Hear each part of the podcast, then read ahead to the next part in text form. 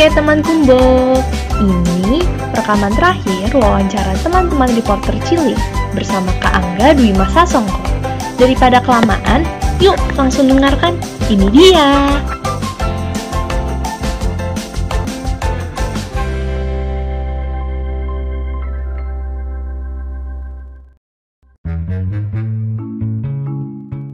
Aku Ya. mau dong dapat ceritanya film Nusa itu udah sampai mana dan kapan kami bisa lihat? Oke, film Nusa saat ini sudah memasuki masa final dalam animasinya. Setelah final animasinya, kita akan masuk ke proses pembuatan musik dan proses desain suara. Jadi suara-suara kan kalau animasi tuh suara mobil kan nggak ada, jadi kita harus bikin suara mobilnya. Suara pintu ketutup nggak ada, kita harus bikin suara pintu ketutup. Misalnya ada suara azan, kita harus bikin suara azannya dan segala macam yang dibutuhkan. Nanti mudah-mudahan setelah pandemi coronanya ini selesai, adik-adik bisa nonton Nusa di akhir tahun atau di awal tahun depan. Oke, di awal tahun depan paling lambat ya berarti Ya. kira-kira ya. Itu Betul. Kak Angga kalau dibanding pekerjaan jadi orang film di balik film sebelumnya sama pekerjaan yang urusannya sama animasi ini, tingkat kesulitannya gimana Kak?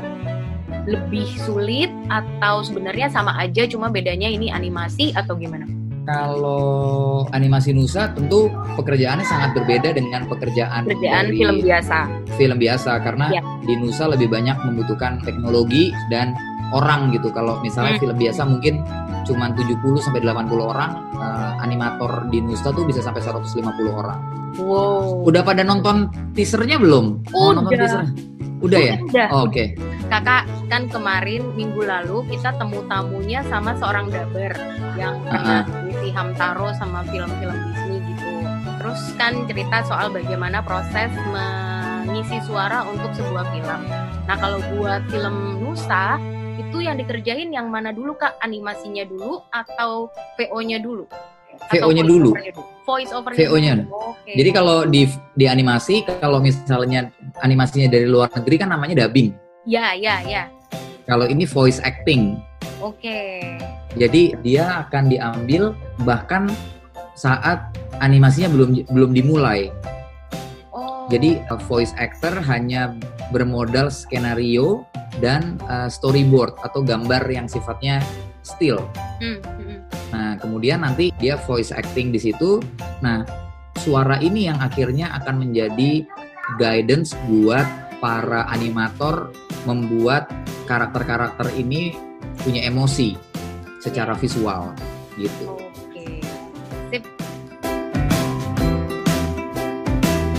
Kakak Angga ada pesan buat teman-teman ini? Mungkin yang yang yang akhirnya aku pelajarin sejauh ini dan yang adik-adik semua baca tentang karir aku atau hidup aku, semua itu berangkat dari kerja keras. Berangkat dari kepercayaan diri bahwa aku dengan menjadi diri sendiri itu adalah bentuk dari diriku yang terbaik gitu. Jadi aku nggak berusaha ngelihat orang lain atau jadi orang lain.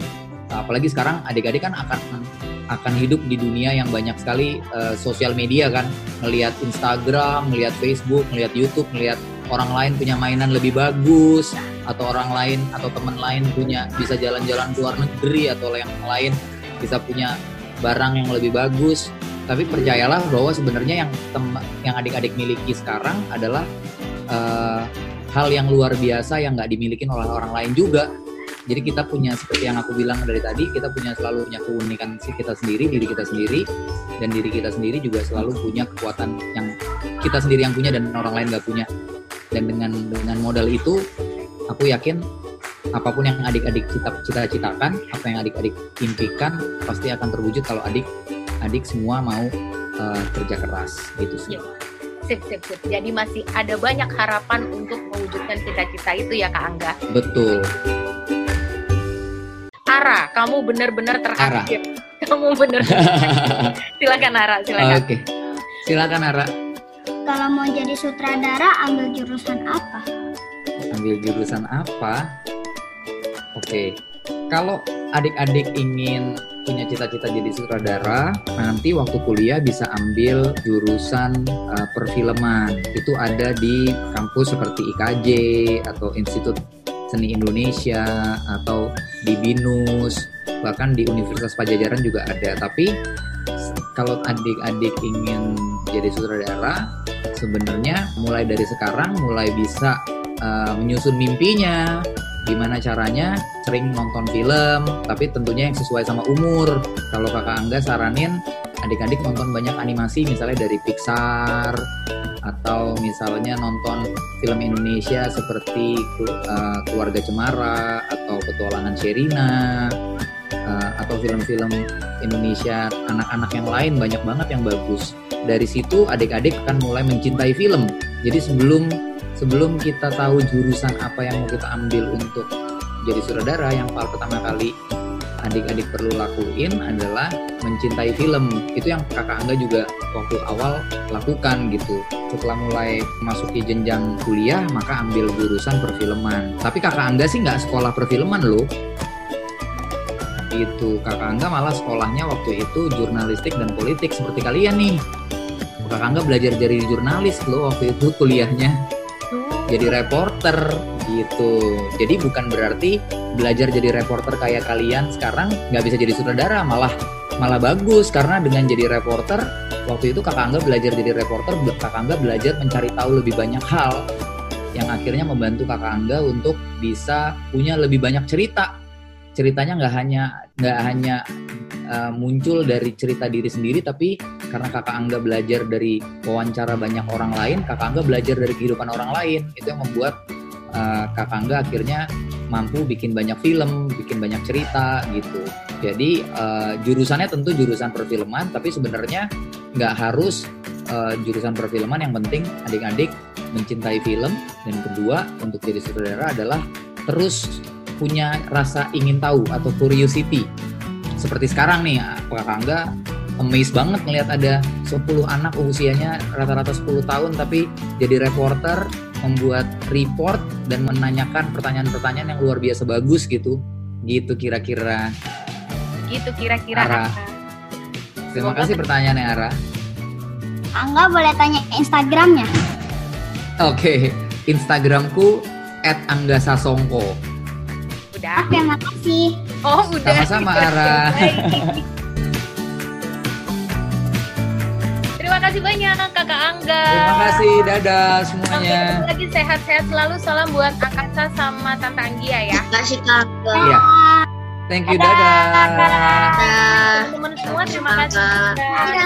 Sehat-sehat semua ya, sukses sama cita-citanya, sama yang sedang dikerjakan. Dadah. Dadah. Dadah.